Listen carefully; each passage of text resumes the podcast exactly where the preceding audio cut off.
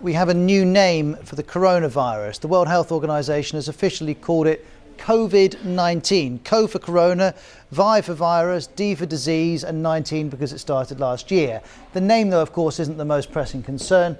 On Monday in China, it suffered its highest number of deaths in one day. 103 people died just in Hubei province alone. The overall death toll in China is now over a thousand, and more than 40,000 people have been infected worldwide. Hej!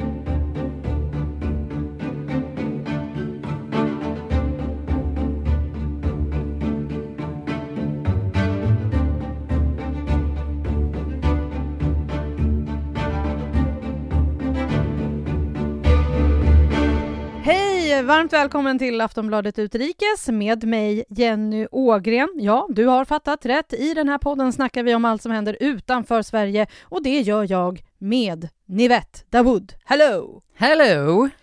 Nivette, vi har båda två gröna klänningar på oss idag utan att ringa varandra innan.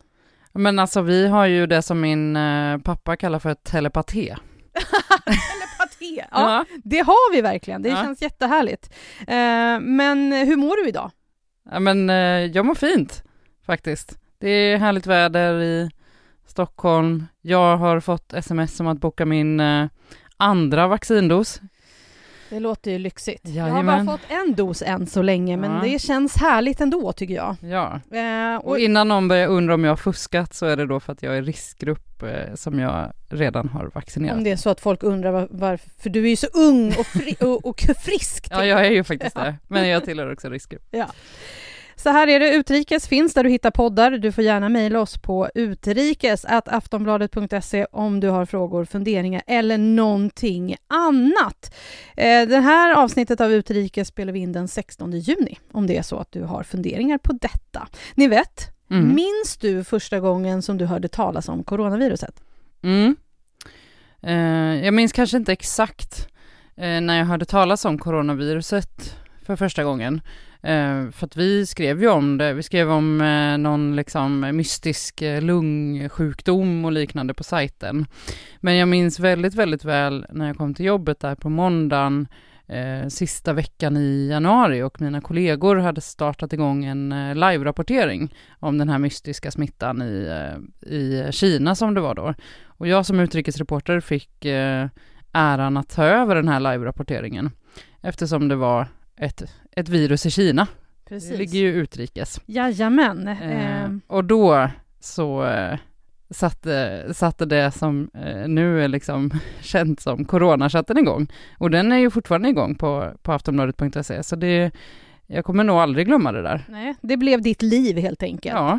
Eh, du som lyssnar kanske också minns första gången du hörde talas om coronaviruset. Inte tänkte vi väl då ändå att det här skulle ta sånt grepp om vår värld och förändra allting. För visst, vi hade ju hört om pandemier tidigare, men inte på det här sättet i modern tid.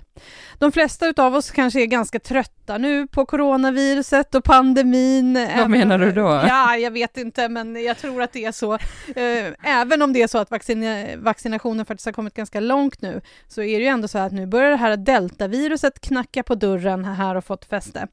Eh, men så du som lyssnar fattar nog ändå att det är ändå coronapandemin i världen som vi ska snacka om. Vi ska ta oss an coronaviruset, gräva lite i var sjutton det kommer ifrån egentligen. Vi pratade ju om coronaviruset och coronapandemin i, värld, i världen här utrikes tidigare i år. Då pratade vi om de experter från WHO, Världshälsoorganisationen, som var utsända till Kina för att försöka utreda var smittan börjat någonstans. I helgen så var det G7-möte i Storbritannien, ni vet de sju industriländerna, Storbritannien, Tyskland, Frankrike, Italien, Japan, Kanada och USA. Jag rabblar dem ifall att det är så att det är någon som hade missat vilka det var. De träffades, snackade om viktiga saker. Den här gången diskuterades bland annat vaccination av hela världen, men man pratade också om att det måste utredas ordentligt varifrån viruset kommer. Det har snackats om fladdermöss. Det har snackats om att det läckt från ett labb i Wuhan i Kina. Var började det och varför är det så viktigt att veta exakt varifrån det kommer? Det ska vi snacka om idag.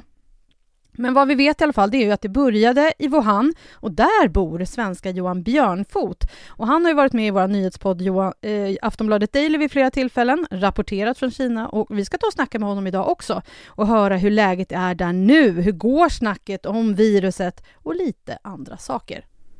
Ni vet, är du redo nu? Ja, Vi kör igång. vi kör igång. För det är ju så att jag fattar ju att det är viktigt att veta varifrån viruset eh, kommer ifrån, men varför är det så viktigt? Bra fråga Jenny. Tack så mycket! Mm. Nej men så här, man, man skulle ju faktiskt kunna säga så här, men vad spelar det för roll? Nu har vi den här pandemin, ska vi inte bara fokusera på att få slut på den, att vaccin ska finnas i, i alla länder och eh, ja, att vi ska vaccinera oss i snabb takt liksom. Men då säger ju forskarna så här att det är viktigt att veta ursprunget, både för Eh, att få slut på den här pandemin som pågår nu, men framför allt kanske för att förhindra nya pandemier. För eh, alltså det spelar ju roll eh, om det är så att viruset kom då från en, en fladdermus och sen, eh, som man tror då har eh, kanske hoppat eh, till ett värddjur och sen till människa, eller om det är så att det har skapats i ett labb av människor och sen läckt ut från det labbet. Alltså det spelar ju roll för liksom förebyggande arbete framöver. För eh, ska man eh, å ena sidan eh, fokusera då på att förhindra mänsklig kontakt med högriskdjur som de här fladdermössen till exempel, eller minkar som vi har sett i Danmark. Eh, eller ska man istället fokusera på en sån här rejäl liksom, översikt av den här typen av högrisklabb som ju då finns i Wuhan, där man arbetar med ganska så kontroversiella metoder för att göra eh, till exempel coronavirus mer smittsamma man kanske ska stänga alla de här labben. Eh, Så att det här, det, det, det är ganska så viktigt faktiskt för, eh, kanske inte för oss här idag just nu, men för framtiden verkligen. Mm, och jag, jag kan ju tycka att det känns lite märkligt det här med att ha labb där man skapar virus, eh, men vi ska snacka mer om det lite längre fram. Berätta nu, vi har ju trott att det här kommer från fladdermöss. Mm. Alltså den främsta teorin har ju hela tiden varit det att fladdermöss, eh, som ju är verkligen eh, riktiga bärare av eh, coronavirus, alltså alla olika typer av coronavirus, att de har eh, fört vidare smittan via ett värddjur mest troligtvis och sen då till människa. Eh, och det är ju det som också WHO eh, har lyft fram som den mest troliga förklaringen när de har utrett eh, ursprunget för det här viruset. Eh, och så pekade man ju ut en eh, matmarknad i Wuhan eh, som liksom platsen för det första smittoklustret. Eh, och det var ju då i december eh, 2019. Men ganska snabbt sen så dök det upp fall som till exempel inte hade kopplingar till den här marknaden. Eh, så att även om det har varit den tydligaste teorin så har den inte kunnat eh, bli helt fastslagen.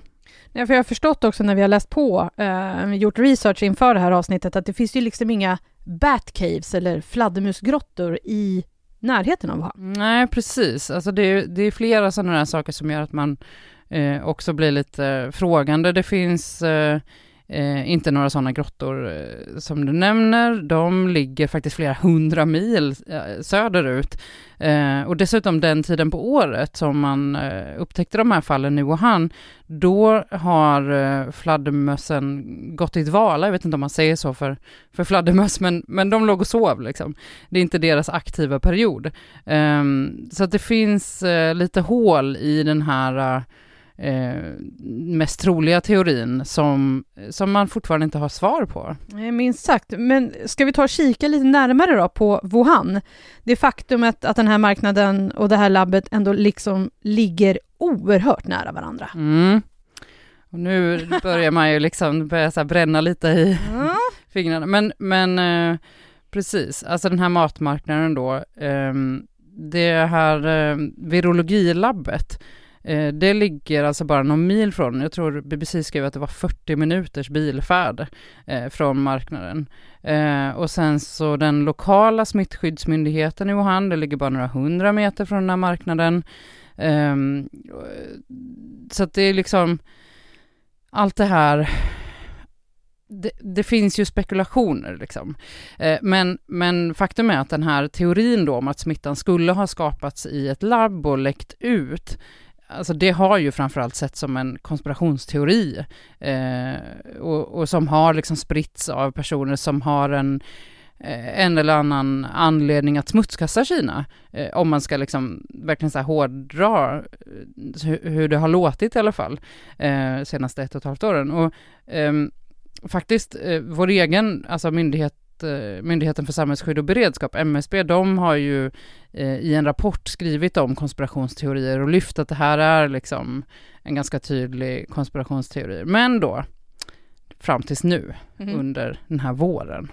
Ja, för det är ju också så det här med konspirationsteorierna, det kom ju också under tiden som Donald Trump var president i USA och eh, han pratade ju om det här och vi måste bara lyssna lite på hur det lät.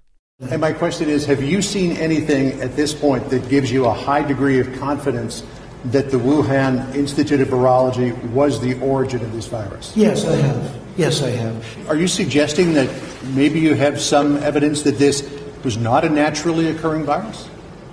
We're going to see what it is. You're talking about the virus and where it came from? Yeah, yeah. No, we're going to see where it is. We're going to see where it comes from. And, you know, look, you know every theory. You had the theory from the lab, you had the theory from many different, the bats and the type of bat, and the bat is 40 miles away, so it couldn't have been here and it couldn't have been there. And uh, we have, a, there's a lot of theories. But yeah, we have people looking at it very, very strongly. And, and what gives you a high degree of confidence that this originated from the Wuhan Institute of Virology? I can't tell you that. I'm not allowed to tell you that. Ja, ni vet. Vad säger du mm. om Donald Trumps uttalande här? Ja, det här var ganska tidigt eh, under eh, början av eh, pandemin. Eh, och då sa han ju det, eh, att eh, han trodde att viruset kan ha kommit från ett, eh, det här labbet i Wuhan och att man utreder det. Och sen så kom det egentligen aldrig någon riktig, alltså myndigheterna presenterade aldrig riktigt något sånt bevis. Eh, och jag tror faktiskt att det knepiga här var att det var just Donald Trump som sa det. För att han sa ju också väldigt mycket andra saker. Eh, och framförallt när det kommer till det här viruset, han, han envisades ju med att kalla viruset för Kina-viruset till exempel. Eh, sen sa han också att det liksom inte var värre än en influensa. Han eh, hade någon teori om att man kunde dricka blekningsmedel mot eh, liksom smittan. Och jag tror att många tolkade det här som, som ett av hans många galna citat, liksom, för att det, det gick inte riktigt att följa upp heller. Liksom. Nej, och det här blekningsmedelscitatet, det var väl ändå någon form av low från honom? Ja, det blev väldigt många starka memes i alla fall på internet. Ja. Men eh, så vad är det som har skett nu då? Var, har Donald Trump fått rätt? Ja, om du frågar honom själv ja. så, han, eh, han mejlade faktiskt till New York Times och sa att, eh, ja men nu, nu säger alla att jag hade rätt och eh, ni klagade på mig som ni alltid gör och sådär. Men det är nog faktiskt att dra det lite, lite för långt. Men, men det som har hänt nu i alla fall, det är ju att eh, det har eh, avslöjats eh, av eh, olika tidningar, eller eh, Wall Street Journal tror jag faktiskt var först, att tre personer på det här virologiska labbet i Wuhan blev sjuka i någonting som är väldigt likt covid-19 redan i november 2019. Alltså en månad i alla fall innan de första bekräftade fallen. Eh, och det här, i det här labbet då så eh, arbetar man med att göra eh, coronavirus farligare, kan man säga, i liksom forskningssyfte. Eh, och som sagt, Kina har ju hela tiden sagt att det första fallet upptäcktes i Wuhan i december 2019. Eh, men de här uppgifterna då, de kommer alltså från amerikanska underrättelsemyndigheter. Det är alltså eh, tidigare hemligstämplade dokument. Eh, så det är inte alls omöjligt att det var det här som Donald Trump visste, för att han sa ju också så här, jag kan inte, jag kan inte säga mer liksom. Eh, och det är också väldigt typiskt Trump att han säger A eller liksom läcker ut A mm. och sen inte kan, kanske kommer på sig själv och inte kan säga B. Men det betyder ju inte helt säkert då att han hade rätt, men Eh, det här tyder ju på att den här eh, teorin som förut liksom kallades för konspirationsteori eh, har fått lite mer kött på benen kan man säga än, än tidigare. Mm. Men ni vet, ska vi ta och backa bandet lite? För jag undrar hur det kommer sig att det ens finns den här typen av högrisklabb där man liksom skapar virus och gör virus farligare än vad de var från början. Mm. Det är ju lite småkomplicerat faktiskt. Nej. Det är Ja. kanske bäst att vi backar lite. Ja. Nu har, eh, nu har Dawood läst på här. Bra. Kör Dawood. Ehm, jo men om vi i alla fall backar till 2001 eh, efter terrorattackerna i USA så eh, kan man säga att det skedde som ett skifte där, att USA började ehm, satsa eller liksom titta mycket mer på det här som man kallar för biologisk krigsföring eh, liksom forskning kring det. Eh, du minns eh, kanske olika rapporter om så här mjältbrandspulver och det var ju liksom Jajamän. väldigt mycket sånt ett tag där. Men ett, eh, ett sånt här eh, forskningsområde var det som kallas för gain of function. Ehm, och det handlar alltså om att man tar ett smittoämne och liksom manipulerar det. Det här är väldigt, nu har jag tagit ner det på en nivå så att, så att också jag ska förstå det, men man tar ett, ett smittoämne och så manipulerar man det och ser till att det blir liksom eh, farligare och ser hur det kan smitta mer. Eh, och, och det är ju jag hör ju när jag säger det här att det är väldigt riskfyllt liksom, men så det finns ju en diskussion om att det är det här sättet som eh, vi kan skydda oss mot kommande pandemier genom att liksom eh, identifiera de olika typerna av, av hoten. Men det har ju också då fått jättemycket kritik. Det är många som frågar sig just det som, det som du sa, varför finns de här labben? Ja, nu har du hört början av det senaste avsnittet av Aftonbladet Utrikes med mig, Jenny Ågren och Nivette Dawood. Vill du höra hela avsnittet så hittar du podden i din poddspelare och du får också gärna följa oss så du inte missar några avsnitt. I resten av avsnittet så fortsätter vi snacka om det här med om coronaviruset läckt från ett labb eller inte. Kommer vi någonsin få ett svar? Och så har vi också ringt upp Johan Björnfot som bor och jobbar i Wuhan i Kina och kollar av hur läget är där just nu. Så leta gärna upp Utrikes i din poddspelare och hör mer. Vi hörs snart igen. Hej då!